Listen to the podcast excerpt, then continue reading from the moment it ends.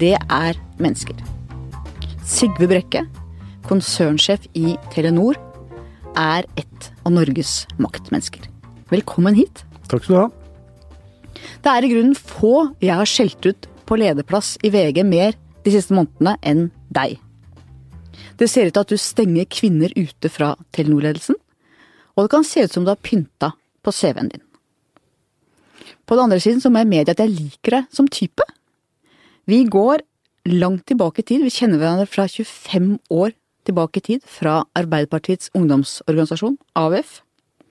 Du kom fra landsbygda, jeg kom fra drabantbyen. Og du er energisk og dedikert. Så hvor kommer all den energien fra? La oss begynne med begynnelsen. Du vokste opp på en liten fjellgård, langt oppe i Uvdal i Numedal. Hvordan så det ut der oppe? Ja, det så ut på den måten at bestefaren min lærte meg eh, at eh, i morgen er det en ny dag. Så legg ting bak deg, eh, og forsøk å gjøre det beste ut av den dagen du står midt oppi. Han lærte meg også at det viktige er å konsentrere deg om det du driver med her og nå, og så gripe mulighetene som måtte da komme i morgen eller året etterpå. Så jeg har med meg veldig mye av min kulturelle ballast, faktisk, fra den vesle fjellgården oppe i Uvdal. Hadde du mange plikter på gården? Ja, det hadde jeg. Det, hele sommerferien jeg gikk jo med til eh, Slåttonna.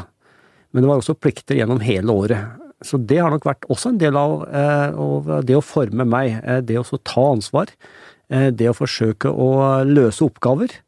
Eh, og, og, aldri gi seg. Det var også en viktig del av eh, oppveksten og barndommen. Var det langt til nærmeste nabo, eller? Nei, det var ikke så langt. Eh, men det er klart det er ganske grisgrendt der oppe i, i fjellsida. Eh, og barneskolen jeg gikk på, den var veldig stor. Den var over 90 eh, barn i, de første seks åra. Så det er klart at jeg reflekterte litt over det når jeg da kom til Bangkok etter hvert. da, da, må jeg nok si jeg tenkte litt på de store kontrastene som du tross alt fortsatt har i verden, sjøl om verden er mer og mer global. Du begynte på skogskolen rett etter ungdomsskolen. Eh, du skulle bli bonde, men hva, hva drømte du om? Du ville jo ut? Nei, da, da, jeg var ferdig med ungdomsskolen, så drømte vel jeg om det samme som det de fleste av de andre elevene gjorde. Det var å få seg en yrkesutdanning. Derfor var de aller fleste gikk da yrkesveien. Jeg gikk skoleskolen, broren min gikk eh, maskin og mekk, og de fleste andre også forberedte seg på en yrkeskarriere, for det var det som var arbeidsplassene oppe i den bygda. Så det var nok først en par år seinere at jeg skjønte at min legning lå mer innenfor ledelse, eh, og det gjorde da at jeg på kveldstid, i tillegg til å jobbe i skogen, tok deltids deltidsartium. Eh, og etter hvert så søkte jeg også inn mot, mot faglig arbeid i fagbevegelsen og politisk arbeid. Og, og, det som lå bak det der, det var eh, lysten etter å endre ting. Altså jeg har nok alltid vært utålmodig, alltid ønska å forbedre ting, gjøre noe med det etablerte. Det tror jeg alle som kjenner deg vet at du er en utålmodig type.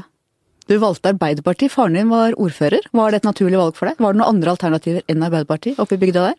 Ja, det var jo Arbeiderpartiet og Senterpartiet, det var de to store partiene. Eh, og det er klart jeg ble påvirket av, av faren min. Eh, og også eh, bestefaren til faren min, altså oldefaren min, var også aktivt medlem i Arbeiderpartiet. Så det var et naturlig valg for meg. Og så traff du kona di gjennom partiarbeid. Hvor gammel var du da? Nei, jeg traff kona mi når jeg var 24-25 år. Eh, da var jeg jo blitt leder i AUF i Buskerud, altså fylkeslaget, og hun var sekretær. Og et, etter hvert så utvikla seg da et forhold som var mer enn det jobbmessige, og, og vi ble sammen og giftet oss. Hvem sjekka opp hvem? Nei, det var en helt naturlig prosess. Det var, vi jobbet sammen, og så utvikla seg da til andre, eh, andre ting enn bare jobbmessige. Og så gikk du etter hvert inn i regjeringsapparatet. Jeg husker det fra den tida. Da var jeg journalist i VG, og du var statssekretær. Mm. Du hadde alltid ideer, var alltid veldig på. Hadde du det gøy på jobben? Ja, jeg har alltid hatt det gøy på jobben, og jeg har vært så heldig at jeg alltid har hatt jobber der, eh, der hverdagen ikke har vært lik. Eh, der, og der jeg har vært i en posisjon til å faktisk påvirke og endre. Og Sånn sett så er det ikke så store forskjeller på å være i en politisk eh, type jobb og det å være i næringslivet. Det dreier seg om å få folk til å slutte opp om dine ideer, det dreier seg om å lede mennesker, og det dreier seg om å endre ting. Og så har vi CV-en din. Da Kapital ringte i høst, så sa du at du hadde en grad fra høyskolen som høyskolekandidat. Men det har du jo ikke. Nei, det har jeg ikke. Eh, og jeg først innrømme at jeg skulle håndtert den samtalen på en bedre måte. Eh, jeg ønsker å være tilgjengelig, derfor så plukket jeg opp telefonen og snakket med Kapitals journalist. Men huska du ikke om du hadde graden? Jo da, eh, det som skjedde var at i 1984, altså det var 30 år tidligere, så, så var jeg der farlig på høyskolen i, i Bø i Telemark. Og jeg var ikke ferdig med alle faga, jeg manglet fire vekttall. Og så jeg, ble jeg da engasjert i politisk virke, og jeg meldte meg opp til diplomøkonomstudiet på BI i Buskerud, og tok to av de vekttallene, samtidig som at jeg begynte å jobbe med en fagoppgave. Men jeg må nok innrømme at akkurat da jeg tok den telefonen, så husket jeg ikke alle det her, og det var derfor jeg også ba Kapital da komme to-tre dager etterpå, da jeg hadde alle faktaene i orden. Men læringen her er at her skulle jeg vært mye mer varsom på den første samtalen, og skjønt at uh, når du snakker med en journalist, så, så, er du veldig veldig sikker på det du sier. Men det her var en veldig krevende situasjon. Vi var midt oppe i en VimpelCom-sak som resulterte i at vi måtte permittere fire medarbeidere. Og jeg tok telefonen i et øyeblikk der jeg skulle ha vært mer konsentrert, og det tar jeg fullt ansvar for. For det er litt rart å ikke huske om du har en grad eller ikke? Ja, som sier, altså- det, det, det, skjedde i en litt oppheta stemning. Igjen så forsøker jeg ikke bortforklare det. Det skulle jeg gjort på en annen måte. Eh, og jeg må også innrømme at eh, jeg også skulle ha sjekket da, da eh, min bakgrunn var, ble i eh, årsrapporter i, i, to land i Asia, som jeg satt i styret for. Eh, jeg har aldri hatt en bachelorgrad på, på CV-en min, men det her ble da oversatt fra norsk til engelsk, ble puttet inn i noen rubrikker og kom da galt ut. Det var mitt ansvar, og det har jeg lært av, og det tar jeg virkelig ansvar for. Men når det er sagt, så har jeg aldri pynta på CV-en min for å oppnå noe som helst. Det gjorde jeg ikke da jeg kom inn på masterstudiet, jeg gjorde det ikke da jeg begynte i Telenor i 1998, og jeg gjorde det definitivt ikke da jeg ble utnevnt som konsernsjef. Du har beklaga flere ganger håndteringa. Er det håndteringa eller selve feilen du beklager? Nei, det er ofte sånn at det er håndteringa som er det viktigste. Og her håndterte jeg den situasjonen eh, eh, på en klandreverdig måte, og det tar jeg fullt ansvar for. Har du snakka ut, som det heter, med styreleder Gunn Wærsted om akkurat dette? Jeg har vært helt åpen rundt det her med det daværende styret, eh, med, med daværende fungerende styremedlem, og jeg har også snakka med en ny styreleder om det her. Og jeg har ingenting å skjule, eh, men samtidig så tar jeg ansvar for at jeg skulle håndtert på en bedre måte. Så føler du at det er avklart og ferdigsnakka, som det heter? Ja, jeg har ikke noe mer å tilføre. For meg så er den saken her ferdigsnakka, og jeg har lagt, lagt det bak meg, og jeg har forsøkt å ta læring av det. Vi kunne sikkert snakka mer om dette, men vi lar det ligge. Du ville til Harvard. Så det du gjør, er at du tar med deg familien og drar over til Boston. Uten studieplass, litt på spekk. Fortell. Ja, det var ikke fullt så dramatisk. Eh, jeg dro over til Boston, og det var for at jeg hadde fått et opphold eh, på Center for Science and International Affairs, som var en del av John F. Kennedy School og en del av Harvard-systemet. Eh, der hadde jeg muligheten til å kunne sitte som en del av forskningsmiljøet. Jeg hadde et kontor der. Jeg kunne da være en del av alle, for, alle, alle, møter de hadde, alle presentasjoner de hadde osv. Men jeg hadde også muligheten til å sitte inne uh, i klasser. Uh, det var ikke noen akademisk grad, men jeg hadde muligheten til å sitte i ett år og bare lære. og det det er et år som jeg vil unne alle. Jeg har jo hatt det. Ja, nettopp.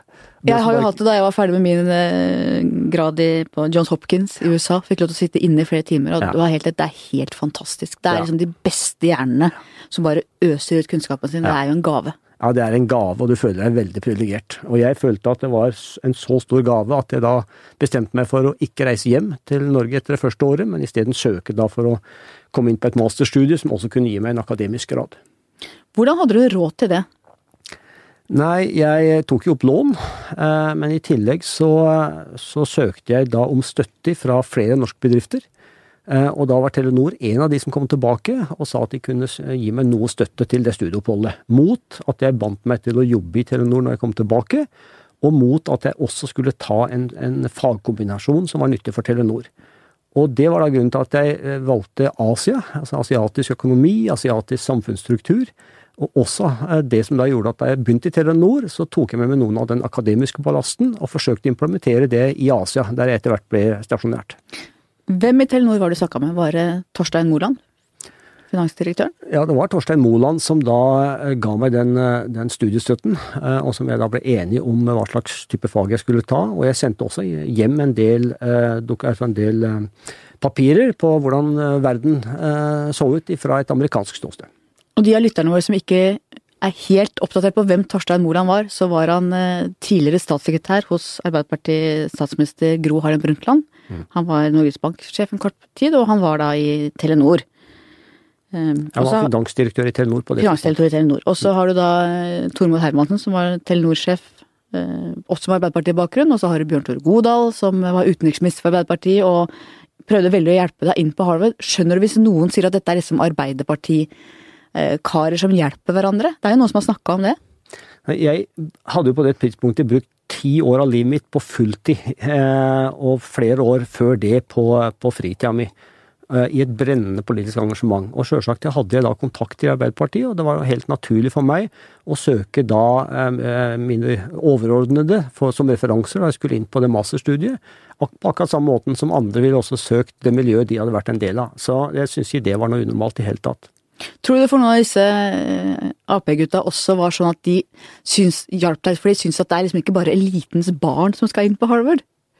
Nei, det må du nesten spørre dem om. For meg så var dette et brennende ønske om å få lære mer, eh, og, og eh, på en måte dypdykke i temaer som jeg kunne lite om. Asia var eh, finans var et annet, mikroøkonomi var et tredje. Så det ga meg en mulighet til å virkelig kunne gjøre det. En ballast som jeg ikke ville vært foruten, og som jeg sjøl i dag eh, føler stor nytte av. I rekka jeg dro opp nå, så var det mange menn.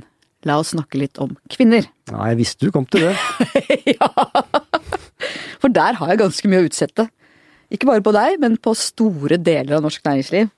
Du og Telenor havna jo i skuddlinja, det kan jo ikke du noe for at du fikk den jobben. Du var jo ikke aktør der. Men så, da du la fram den nye ledergruppa di, så var det altså 18 menn og tre kvinner. Da tenkte jeg, er det mulig? Hvor er det blitt av det politiske gangsyn, om ikke annet? Hva er dette? Ja, når jeg satte sammen den nye ledergruppa mi, så var jeg veldig opptatt av at vi skulle ha en ledergruppesammensetning som representerer de utfordringene vi står overfor. Eh, og da tenker jeg på den digitale utfordringen og den globale utfordringen. Så jeg ønska en ledergruppe som da var nærmere på kunden, og jeg ønska også en ledergruppe som på en måte kunne speile det internasjonale selskapet Telenor har blitt. Derfor så valgte jeg å ta bort regionslaget, eh, og da trekke alle landsjefene direkte til meg. Eh, Så rekrutterte jeg to nye kvinner, og én kvinne gikk ut. Eh, To gikk ut vel. Hilde Tonne og Katja Nei, Hilde Norgård? Tanne satt ikke i konsernledelse på det tidspunktet. Da var Nei, hun hun satt i Danmark, ja. Så det var, Men hun var jo ganske aktuell kandidat til en konsernledelse i Jo da, men hun var fortsatt i Danmark for å forsøke å, å finne en, en, en, en mulig sammenslåingsmodell uh, i, i Danmark. Sånn at eh, det som da var viktig, Men det som da ble veldig tydelig, eh, var at det var stort sett menn eh, i, i, hos landsjefene. Det jeg da fikk til, var et mye større mangfold. Vi har sju nasjonaliteter i dag i konsernledelsen, med en veldig variert bakgrunn. Men det jeg ikke fikk til, var å bedre kvinneandelen ytterligere. Men og det- det har jeg tenkt å gjøre noe med. For det er jo ganske utrolig etter hele den runden Telenor hadde. Jeg har også vært feminist siden jeg var lita jente. Ti-tolv år kanskje før det, og så lenge jeg kan huske, egentlig. Eh. Ja, men nå, nå høres det ut som om det var liksom eh, en, mange stoler ledig, men det var ikke det. Det eneste jeg faktisk gjorde, var å ta bort et regionslag. Eh, Og da ble det veldig tydelig hvem som, eh, hva slags kjønn de landssjefene har. Men det betyr jo at prioriteringa di var at det var viktigere enn en kvinneaspektet, i hvert fall. Nei, det er ikke korrekt. Eh, prioriteringen min var så å få til som sagt, den kundenærheten og den globaliseringa. Eh, og eh, en økning av mangfoldet fra en norsk ledelse nå til å være en veldig multinasjonal ledelse. Og så er samtidig jeg den første å si at dette ikke er bra nok. Har, derfor så har vi nå satt i gang en rekke tiltak. Det er tiltak som at vi skal ha svangerskapspermisjon for alle eh, kvinner i, i hele verden. Eh, Det er tiltak som at vi nå har en helt bevisst rekruttering av talenter, eller internship-kandidater.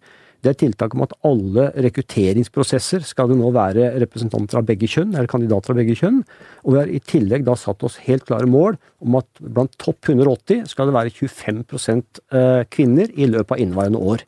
Og hva skjer hvis ikke du oppfyller dette, og hva skjer hvis dine folk ikke oppfyller dette? Da vil de ikke få bonusoppnåelse. Du knytter det til cash, rett og slett? Det er rett og slett knytting til cash. Eh, Og, Money talks. Én ting er liksom å snakke om det, noe annet er å ha målsetninger, men det er først når det er helt konkret på tiltaka at du ser at dette eh, virkelig kan virke. Ja, for det var mitt poeng å trekke fram min feministbakgrunn, at det har vært de samme problemstillingene, de samme orda, hele veien, år ut og år inn. Og jeg ser jo rundt meg at det er, vi er ganske mange damer som begynner å bli relativt fed up. Og noen av, noen av mennene i næringslivet snakker jo om at at jo, hva kan vi gjøre for å få kvinner til å tørre å søke, blæ, blæ, blæ, ikke sant.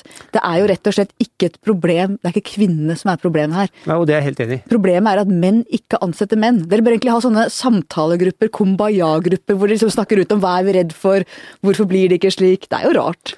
Men jeg vil faktisk si det, eh, dra det enda litt lenger. Eh, problemet er eh, jo at du ikke har en eh, representasjon av eh, kundene dine eh, i din egen organisasjon. Ja, det er dårlig økonomi, rett og slett. Ja, nettopp. Og, og, og jeg gjør ikke dette for at du eller andre kritiserer. Jeg gjør det for at det rett og slett er god business. Og hvis Telenor som selskap skal greie den digitale reisen, så må vi ha eh, en sammensetning i en ledelse som, som speiler eh, det som på en måte er det som kundene våre etterspør. Altså Vi må skjønne hva kunden egentlig består av på en helt annen måte enn det det har vært før. Og vi må også ha, eh, greie å få til nye samarbeidsmodeller. Altså Den der vanlige hierarkiske organisasjonen fungerer ikke lenger. Det er team som fungerer. Og i team så må du på en måte ha folk av både ulikt kjønn, men også av ulik bakgrunn. Så Det er det som gjør at, at dette her er veldig viktig for meg å få til. Eh, og så har du en litt hissig eier på nakken òg, som sier at dette må du fikse. Jo da, men, men absolutt, og det er derfor, at, derfor, vi tar tak i dette her. Men, men, min bekymring er at vi rett og slett ikke greier å endre organisasjon i retning av det som jeg ser er de store forretningsutfordringene. Men i tillegg til det med mål da, og bonus og target og alt det der, så må jeg nok si at det har også en kulturaspekt. Altså det har noe med samarbeidsformer å gjøre. Eh, og, eh, og jeg, det er også eh, grunnen til at vi allerede har begynt å se på er det ubevisste måter vi, vi, vi har kommunikasjon på. Vi har jo diskutert det, eksempel jeg og noen damer jeg kjenner, da. At veldig ofte syns vi ser at unge menn blir sett på som stor, han har så stort potensial. Mm. Men som kvinne sier nei, hun er vel ikke helt ferdig ennå, må modnes litt til. At man ser forskjellig, selv ja. om det er det samme man ser. Og det er det jeg sier. Altså ubevisste måter å omtale mm. ting på. Eh, og, og, det har vi faktisk allerede begynt å ha noen sånne bevisstgjøringsgrupper på. Og det er en bit av det. For du, du, du når ikke alt det her bare gjennom mål. Du må også dra det gjennom det kulturelle og samarbeidsformer. Og, og jeg har satt dette her som en, som en agenda i sammen med mitt topp management-team, rett og slett for at dette er noe vi ønsker å gjøre noe med. Og Derfor har jeg også utnevnt eh, den første CEO-en, eller første administrerende nå, eh, som vi har utnevnt, har, har, også blitt en kvinne. Ikke for at hun skal representere en kvinnekvote, rett og slett for at hun var den beste kandidaten. I Serbia har vi nå en kvinne som lånsjef. Jeg skal følge med, hvis du klarer dette, så er det Ja, da skal du ja. følge med, men da skal du også gi litt kreditt. Ja. dagen som vi greier det. ja, men det lover jeg. Det lover jeg. Du har sjøl fortalt at du har hatt 250 reisedager i året. Mm. Må det være krav i en sånn stilling? Som du har hatt?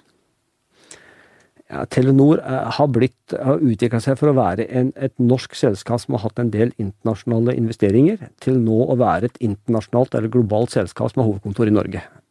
Det betyr at du må være på farten. Eh, og det betyr at som toppsjef, eh, både den jobben jeg har nå og den jobben jeg hadde, så må du være til stede. Hvordan blir balansen i livet da? Nei, det jeg er jo jeg er en person, da, som leder, så jeg er en person som er mye mer opptatt av menneskene, egentlig, enn de firkanta boksene. Uh, og for jeg ser verdien av å på en måte motivere mennesker, forstå mennesker, rekruttere mennesker. Det er jo egentlig det som fyller meg med energi. Og for å få det til, så må du være ute der kundene er, men du må også være ute der de ansatte er. Telenor er en organisasjon nå med 36 000 ansatte, og det er klart at jeg kan ikke møte alle de 36 000. Men, eh, men eksempel så har vi nå innført et, det vi kaller globale allmannamøter, der jeg snakker til alle ansatte en gang eh, hver andre måned. Rett og slett for å skape den der felles kulturplattformen. Det er viktig for meg. Og da er baksida på den medaljen at det blir mye reising. Nå er du hjemme igjen, dere hjemme igjen etter 16 eller 20 år ute, avhengig av om du regner liksom USA eller Asia. Hvordan er det å komme hjem? Altså, jeg tenker på nettverk, kontakt med gamle venner. Det er jo veldig lenge å ha vært borte jeg, jeg, føler egentlig ja, ikke at jeg noen gang reiste. Eh, I den forstand at jeg har vært hjemme veldig mange ganger i løpet av de åra. Eh, jeg har sittet i konsernledelsen i Telenor siden 2008, og har vært hjemme ganske ofte. Men jeg vil også si det at noe av det som har skapt suksess for Telenor i Asia, som jeg har vært en del av, er at vi har tatt med oss de norske verdiene. Norske ledelsesprinsipper. Norsk måte å drive business på. Og, og sånn sett så føler jeg på en måte at jeg hele tida har vært en del av, av Norge.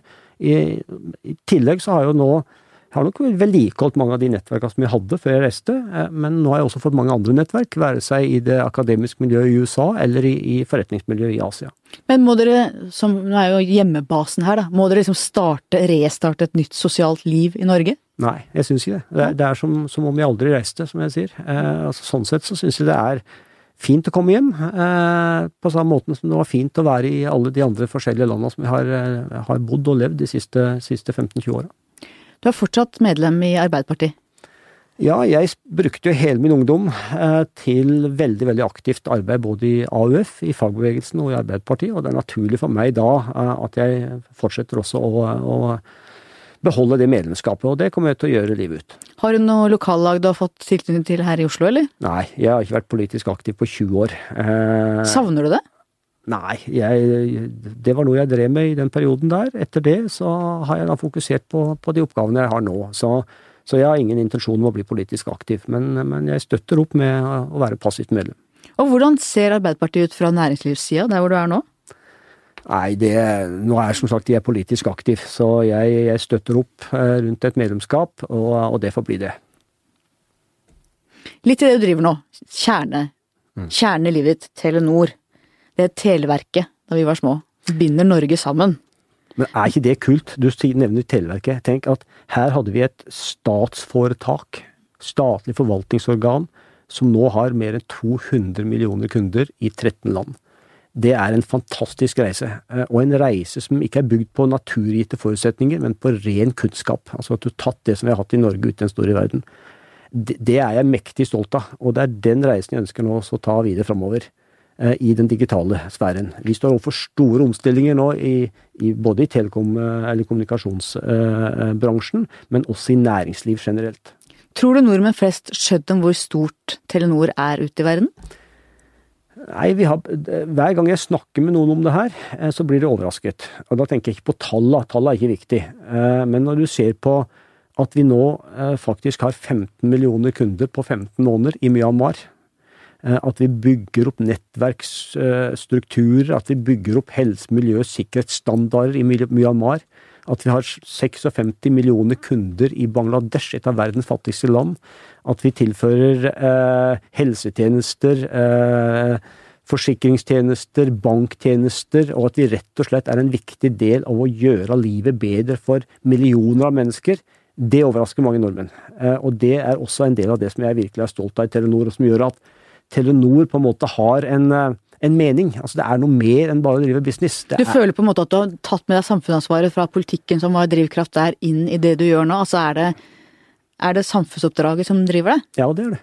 Uh, og ikke bare meg. Mange i Telenor drives av det. Uh, vi, vi, har en visjon i Telenor som heter Power Societies, altså være en del av det å utvikle samfunn.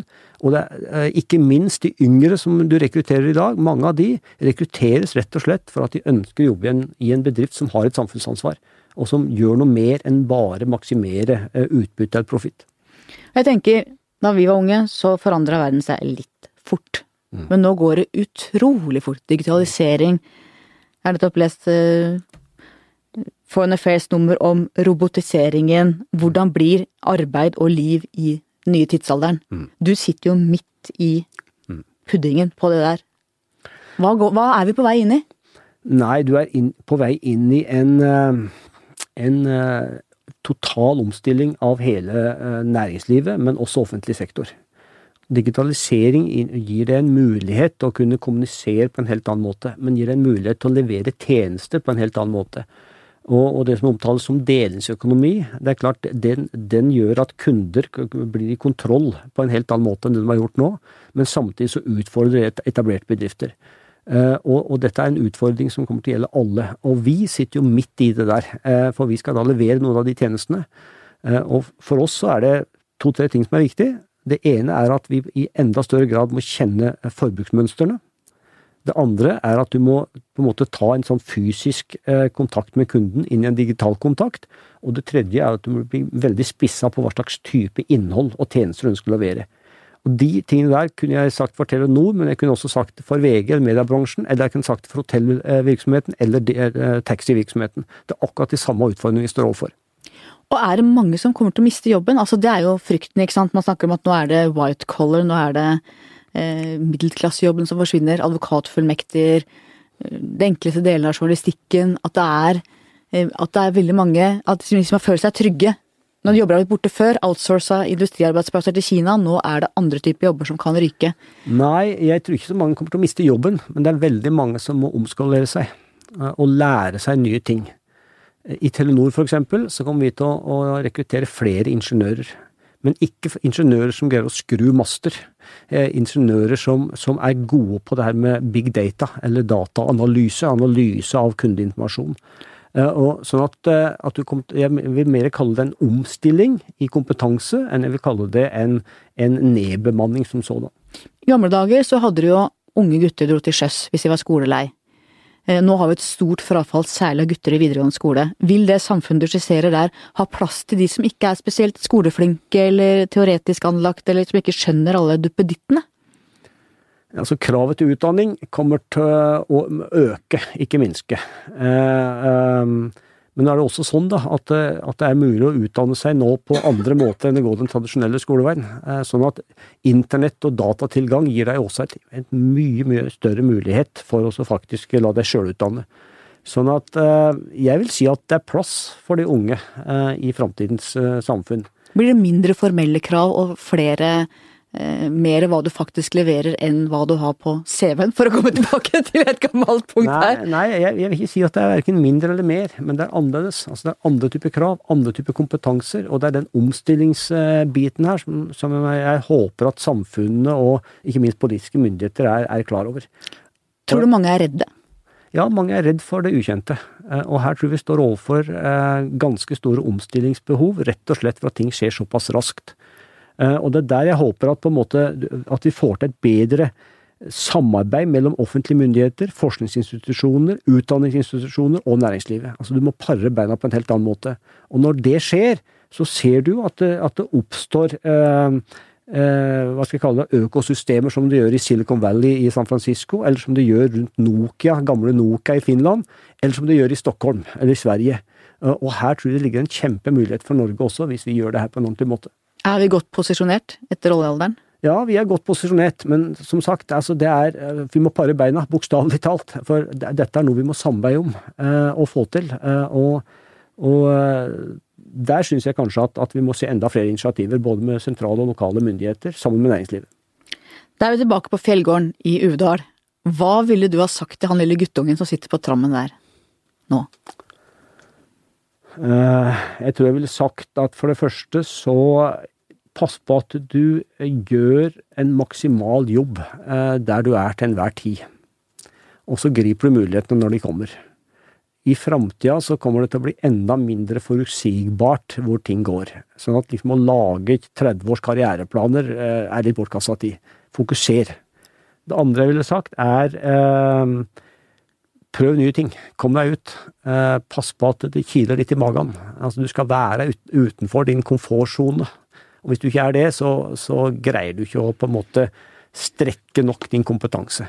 Og hva, og det, tror, hva tror, du Og det tredje er at ja, gi aldri opp. Uh, hvis det er noe som jeg har sett gjennom livets gang, så er det det at uh, etter uh, regn kommer sol, og i morgen er det en ny dag.